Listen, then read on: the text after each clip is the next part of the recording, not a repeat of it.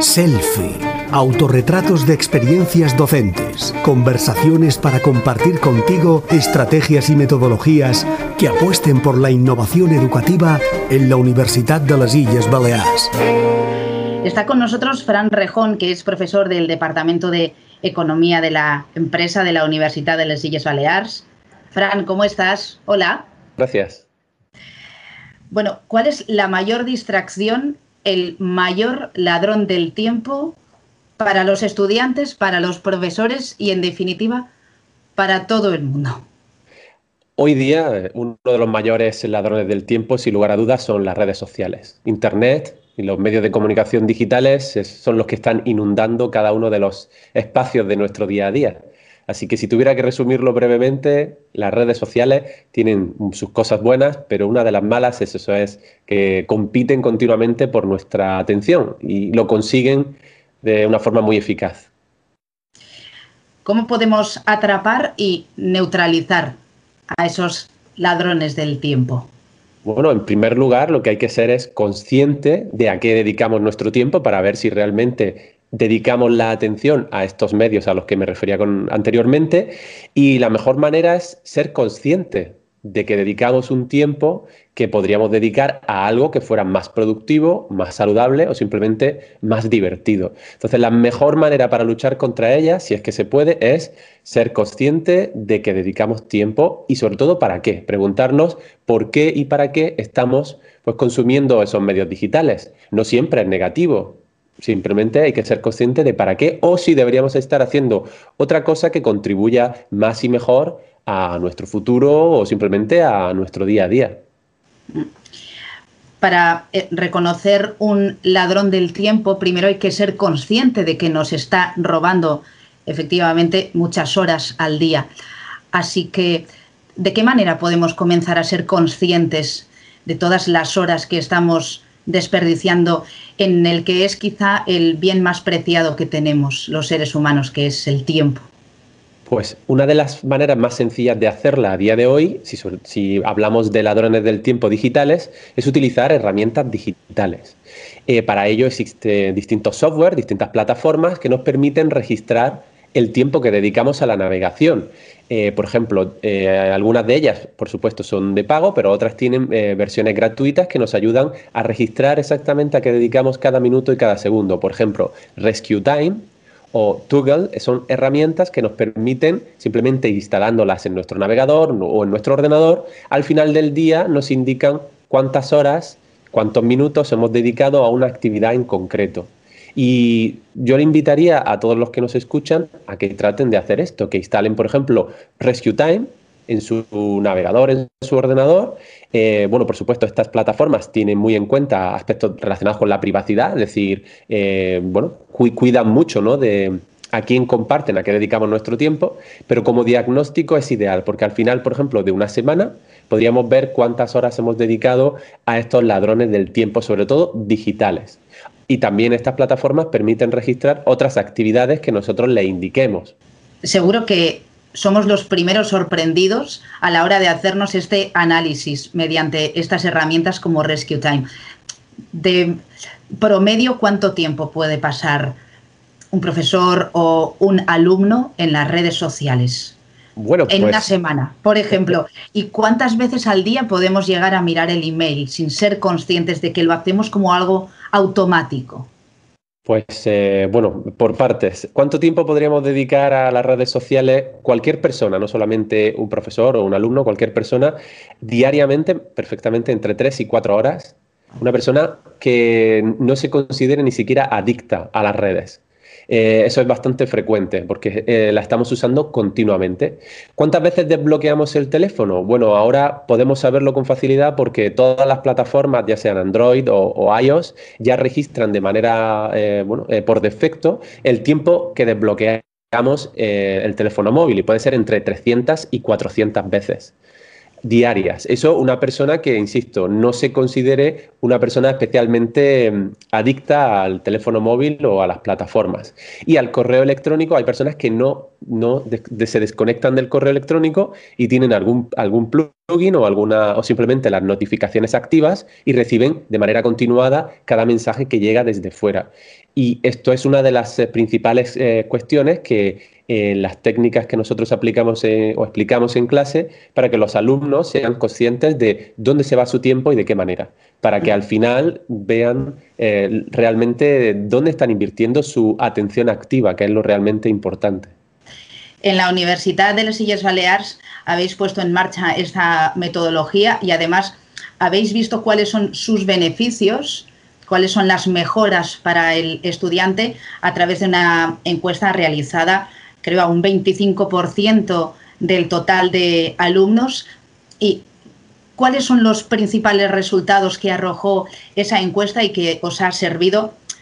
Obviamente para certificar algo que ya sabíais, que es la utilidad, pero también para saber cómo los alumnos pueden mejorar su rendimiento y, por tanto, tener una mayor experiencia universitaria, una mayor y una mejor experiencia universitaria.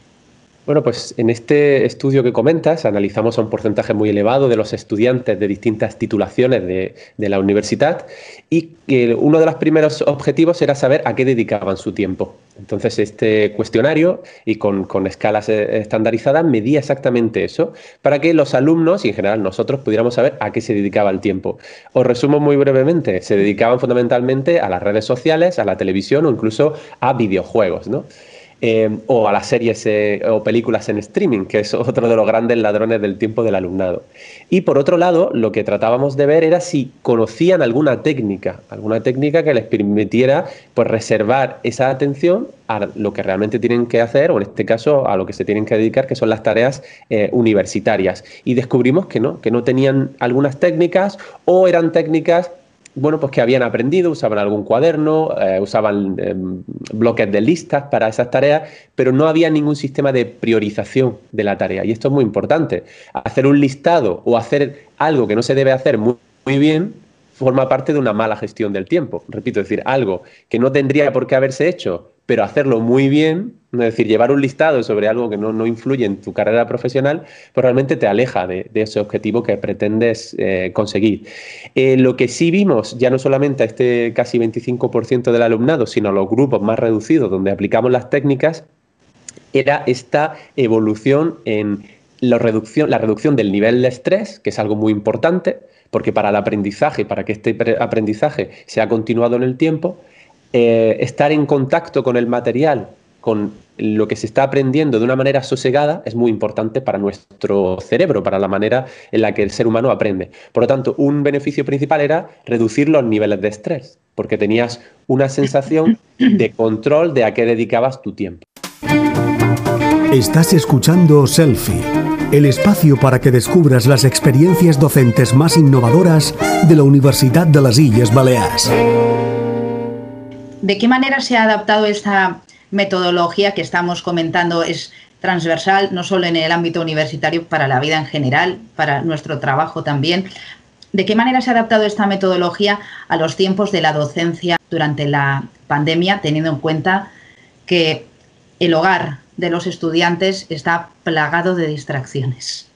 Básicamente no es necesaria ninguna gran adaptación. Ahora todos, o la gran mayoría de nosotros que hemos tenido la suerte de poder trabajar desde casa, lo único que había que hacer era tratar de encontrar aquellas tareas y proyectos que realmente requerían de nuestra atención y seguir aplicando de la misma manera las técnicas. En nuestro caso, para el alumnado y para que estos eh, métodos pudieran tener una mayor, un mayor conocimiento por parte del resto de alumnos, generamos una serie de materiales que están a disposición de cualquiera en PDF y a los cuales le añadimos una serie de enlaces a vídeos hechos o bien por nosotros o por otros compañeros eh, o incluso a nivel internacional, porque son técnicas, insisto, que no son nuestras, eh, para que cualquiera de ellos pudiera aprenderla de manera autónoma y aplicarla. Pero insisto, la ventaja que tiene en la situación en la que hemos vivido es tratar de centrar nuestra atención en lo que realmente importa y tratar de abstraerse o tratar de neutralizar aquellos eh, ladrones del tiempo o incluso aquellos elementos que tratan de luchar por nuestra atención en nuestro hogar. Así que la aplicación ha sido muy directa y relativamente sencilla en este caso. Imaginemos que son las 8 de la mañana y yo tengo toda la mañana para hacer una tarea que debo terminar antes del mediodía. Parece un tiempo suficiente, sin embargo, hay mañanas que pasan volando, mucho más rápido que otras. ¿Qué es lo que debo hacer? ¿Cuáles son esos hábitos altamente efectivos que van a generar que yo acabe la tarea en el tiempo adecuado, que no me estrese y que sobre todo la haga plenamente consciente y concentrada? Muy bien, pues en primer lugar lo que hay que identificar es si la mañana es tu tiempo de mayor energía. Todas las personas no son iguales y los, eh, bueno, nuestros eh, ciclos de cómo nos comportamos durante el día y la noche son distintos. Si hemos descubierto que la mañana es el mejor momento donde más energía tiene, lo que tienes que identificar es si esa tarea realmente tiene que hacerse o no. Esto está en estos métodos que comentamos, en el método GTD porque quizá a lo mejor esa tarea la puedes delegar, la puede hacer otra persona o directamente no contribuye a tu proyecto personal o profesional. Supongamos que sí que forma parte de tu proyecto profesional o personal. Lo que hay que hacer es establecerse un momento límite para hacerla. Es decir, si tienes toda la mañana, no indiques que tienes toda la mañana, sino unos minutos o una hora para hacerla. Por ejemplo, 25 minutos o 40 minutos para hacerla. Y trata de ser muy estricto o estricta con ese tiempo. Es generar una, especie de urgencia a la hora de realizarlo. Por supuesto, si hay que hacer luego aproximaciones para mejorarla, sin ningún problema. Pero hay que tener en mente esa idea de acotar el tiempo lo máximo posible. Uno acaba conociéndose y acaba simplemente en el momento de procesado y de organizado y de revisión, de, por ejemplo, del método GTD, puedes ver simplemente la tarea, puedes identificar cuánto tiempo aproximadamente podrías tardar. Pero algunas personas que se dedican a actividades creativas a veces no sabes el tiempo que puedes tardar en terminarla. Por lo tanto, mi consejo es, primero, identifica si es la mañana tu momento, luego, identifica tus niveles de energía y sobre todo trata de, saber si, eh, bueno, esta tarea, eh, perdón, de indicar un momento límite, por ejemplo, una hora, y bloquea absolutamente todos los distractores. Por ejemplo, si no paras de mirar el teléfono móvil, esconde el teléfono móvil o apágalo, llévalo a otra habitación, ¿vale? Seguramente eso si no contribuye a hacer la tarea, el uso del teléfono móvil. Si usas el ordenador, e Internet en general te distrae, utiliza aplicaciones que bloqueen el Internet o directamente desconecta el router durante estos minutos. Yo recomiendo, hay muchas aplicaciones, pero hay una que se llama Self Control, ¿vale? Que es gratuita, o incluso Freedom, son dos herramientas que se pueden utilizar en el ordenador, a las que se instalan en tu equipo y le indicas, por ejemplo, una hora de desconexión de Internet y en el momento que aceptas esa desconexión, no puedes utilizar Internet hasta que o bien reinicias el ordenador o directamente pasa ese tiempo. Eso eh, te permite bueno, pues bloquear incluso algunas web específicas para no consultar, por ejemplo, el periódico o meterte en una red social.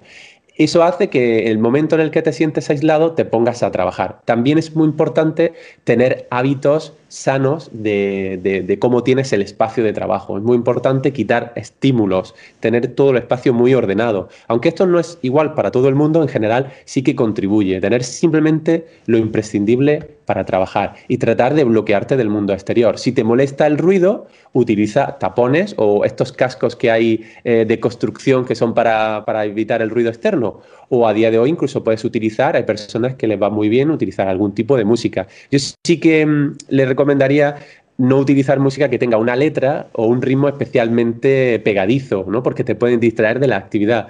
Pero, mm, por ejemplo, la música clásica es mm, ideal para esto. Incluso hay canciones que podéis encontrar que tienen eh, sonidos eh, de distintas longitudes de onda que ayudan a la concentración, ¿vale? Que está estudiado que que bueno, pues, eh, tienen cierta influencia sobre la concentración. O en general, algún tipo de banda sonora que ya conozcas y que no prestes mucha atención.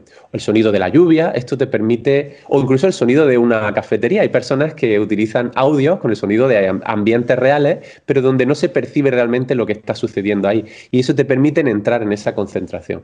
Si este hábito lo llevas una y otra vez, tener saneado tu espacio, tener esa energía y concentrarte durante unos minutos y lo repites un día y otro día de manera consciente y consistente, al final acabas creando un hábito de trabajo que en el momento que te colocan los auriculares y empieza esa música, por ejemplo, que, sueles utilizar para trabajar, tu cerebro entra en la zona del trabajo y puedes alcanzar quizá incluso un estado de flujo, ese estado de flujo que algunos psicólogos eh, encuentran cuando uno está dedicado a una actividad divertida o que le encanta y que tiene la sensación de que el tiempo pasa muy rápido, es porque tu cerebro está plenamente consciente y activo de lo que está eh, realizando y por tanto puede contribuir a la calidad de, tu resultado final. Así que estas serían mis, eh, mis bueno, pues, indicaciones, pero sobre todo buscar un espacio libre de ruidos donde estés cómodo, ¿vale? No excesivamente cómodo, pero cómodo y mm, donde bueno, puedas repetir esa acción un número de veces hasta que al final el hábito se genere. Pues, Fran Rejón, interesantísimo cómo debemos gestionar nuestro tiempo para reducir nuestro estrés, para ser más efectivos y, en definitiva, para ser más felices. Muchísimas gracias. Muchas gracias a vosotros por esta oportunidad. Gracias. Has escuchado Selfie, el espacio para que descubras las experiencias docentes más innovadoras de la Universidad de las Islas Baleares. Selfie. Autorretrat d'experiències docents universitàries és fruit de les segones jornades Experiències docents de la Universitat de les Illes Balears que tingueren lloc al gener de 2020. Els docents que apareixen en aquest treball són tots els qui varen participar en aquestes jornades exposant-hi i compartint-hi les seves aportacions innovadores. Aquesta publicació és possible gràcies a la convocatòria d'ajuts al Fons de Cooperació Universitària 2020 BDNS 495431 del Departament de Cultura, Patrimoni i Política Lingüística del Consell de Mallorca. L'edició 2020 d'aquesta publicació és un llibre interactiu que ha estat coordinat pel doctor Antonio Fernández Coca, escrit per la periodista Maitane Moreno, maquetat pel dissenyador Miquel Oleaga i que inclou les fotografies fetes per Josep Taltabull. Per a més informació, selfie.uib.eu